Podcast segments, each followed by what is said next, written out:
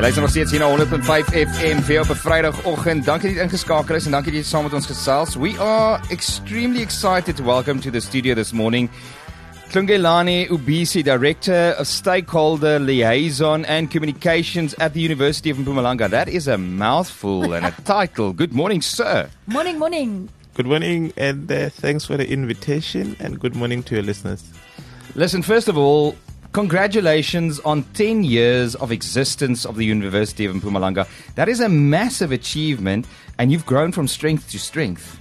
Uh, definitely, thanks a lot. It's been a very interesting journey. Um, as a university, we've gone uh, from almost zero to this, uh, you know, established university. I mean, if you talk of numbers, when we started in 2013, when we established and enrolled our first cohort of students in 2014 February, we had only about 169 students. Yeah. Today, as we speak, we have more than 8,400 students that are enrolled. Uh, but second to that is that we, we only had three qualifications when we started. Yes. Today, as we speak, we have about, you know, 65 accredited qualifications uh, ranging from higher certificate, diplomas, degrees, honors degrees, master's degrees, and the highest being a PhD. So, of about four PhDs Wow. in the university. So, we're a fully fledged, comprehensive university. Sure, that's that's incredible. Hey, how it's grown in ten years, only ten years. So now, speaking about the ten years, congratulations, by the way.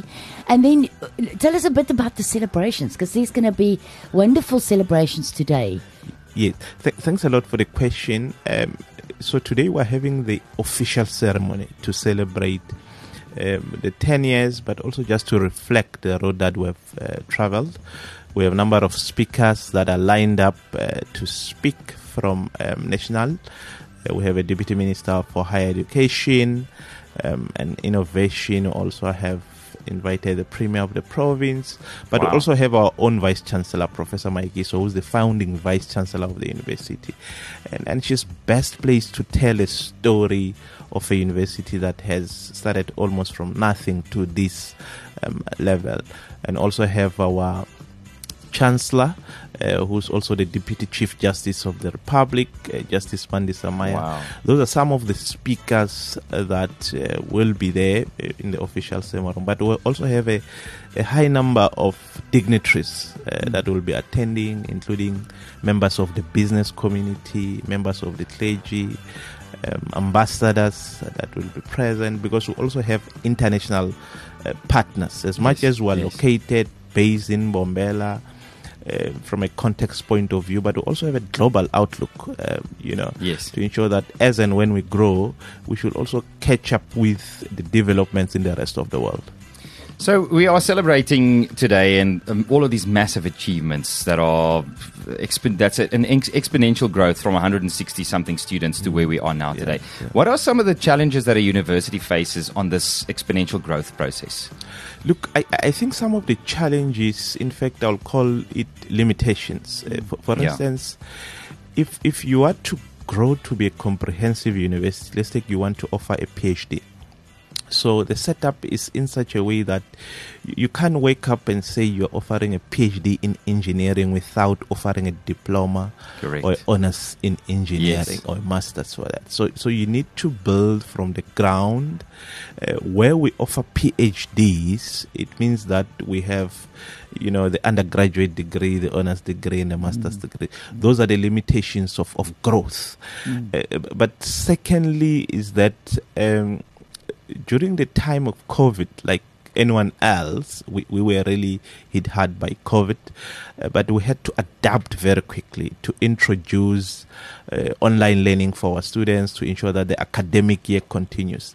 And, and that, as much as it came as a challenge, uh, it, it's now an advantage. Yes. Uh, Because when we have, for instance, either a blockade or a strike in campus, teaching and learning continues because we continue to teach Regardless. online. Yes. So, so it, it was a challenge, but we now treat it it as one of the things that you know we're good at is as an advantage. It's funny how we're forced into a situation, then it becomes the norm after that. Yeah. We, we just adapt and, and Yeah, that that was actually my next question. Uh, uh, you know, it's um, uh, it is now sort of in in very many sectors.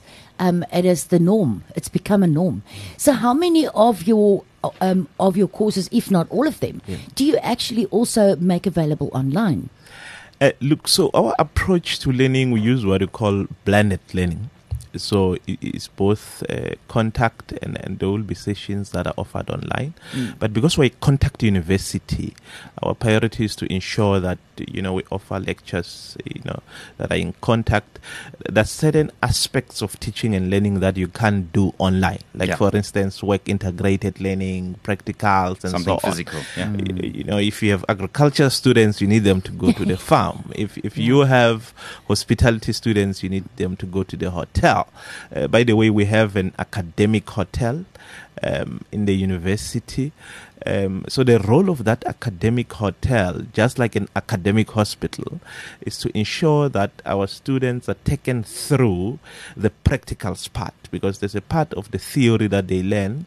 Uh, so in the very same building you have a hotel where they can go and do you know their practicals. If you go to our restaurants you'll find you know a number of students that are studying hospitality that are working under a supervision of a you know someone who's a manager of, of, of the hotel and be able to take them through to take them through. And precisely want to ensure that when our graduates complete, uh, there people that are, are employable, but there are also people that have skills, but there are also people that may may have, you know, an advantage over over graduates because they have that they have that practical experience. Practical experience. It yeah. makes absolute sense. That really makes absolute sense. Just uh, for a second, can we digress from the university itself, and we can speak about the impact that the Yeah. the university has had in the uh, economic growth of the the Nelspruit uh, r- um, Mbombela region for the last ten years. Has there been a study, or uh, do you have a, a little bit of information on that? What I- what impact has the university had economically on Yeah. our city? De- definitely, it- has had, I think, on uh, three fronts. One is that the presence of the university has literally changed the outlook of the city. So, so you have more than nine thousand plus additional people in the city. Sleep somewhere, eat somewhere, eat somewhere, you know, relax somewhere. Yes, definitely. they have an income that they spend somewhere Mm, yes. and so on. But other than that, I think from from an infrastructure development point of view, I mean, if you have had an opportunity to drive past through that yes. university, you can see that from from an infrastructure point point of view, it's it's a daring infrastructure. It is. Yeah, but, but secondly, the role of a university is that of being able to produce people that are highly qualified, highly competent, uh, to ensure that industry and government that exists in the province are able to tap Yes. you know through through those skills. So so that's the, the core thing. But and lastly is the issues around the research. So so this year when we had a graduation a bulk of our research students that graduated with, with masters their topics were primarily focusing on local issues around issues in Nkomazi, um, you know, issues in Bushbuck Ridge, issues in Mbombela, including issues of service delivery, by the way. So you have a research that is, is relevant and and those that are occupying public office can actually take advantage of that Yes. and, and look at the recommendations and be able to turn things around so i think in that front that's the impact that we have had that you mm. have people that are doing research that is relevant to their context It's not always something that we have top of mind all the time. so, just before we let you go, Yeah. Just um, let's touch on it very briefly about going forward. What's Yeah. ahead for the university? So, so go, going forward, and, and, and thanks, I think that's a good question. So, what, what you see of the current makeup of the university is only 40% of it. Ah, okay. So, 60% from a construction point of view is still going to, to be built. Uh, when the university is completed and is fully fledged, it's supposed to have about more than 25,000 students. So it's going to be a massive university. Huge impact. Yeah. It's going to have a, a huge impact. And I think it will go back to the points that I mentioned earlier that it's going to change the makeup of the city. You know, the, the city of Mbombela, you know, as it is. Uh, but, but secondly, it, it will be a place uh, where, you know, people from high school, from different walks of life. And I think maybe just to underscore this point that uh, our student profile is actually across the country. It's not limited to Mpumalanga. Mm. Only 49% comes from Mpumalanga. Yes. We have students coming as far from the Eastern Cape and so on. But we're also going to pay special attention to issues around research and innovation, um, entrepreneurship, uh, professionalization of sports because sports is also a very key element Massive, of a, yeah. a comprehensive university that is able to accommodate a number of, of, of different people from diverse groups so that's our focus going forward Wow. I've just got one last question before Yeah. we let you go. Do you do you have any kind of a motivational um, structure or or something in place to to to keep these these graduates in this country? To sort of prevent them from taking this degree or this master's or whatever and, and leaving the country. look the, the issues of of uh, you know brain drain is a very you know i mean serious issue. It's, it's a national issue but also for the african continent in general. I, I think our, our role for, as an institution of higher learning we, we have some interventions that are in place. So we refer to i mean growing our own timber so, so we have a, a program that identifies a number of high-performing students. Uh, some will be given, you know, a scholarship at this point. I think in the last five years we have given about 220 scholarships to support those students, but to also ensure that we encourage them to go to academia. yes. So, so we have some of the students who will have started with their undergraduate graduate degree in the university and they're doing their PhD with us. Okay. Uh, so, but what happens is that they are appointed as associate lecturers so that they can also make a living and so on. But also to ensure that you know they they don't wander around looking for opportunities when they've excelled academically. So that's our intervention, and we're hoping to work closely with uh, industry in the province, industry in the country to ensure that the, the graduates that we produce are absorbed there because we're not producing them for ourselves. Yes, we're yes. producing Yeah. them for, for, for industry and you know private and, and public sector. Yep. Yeah.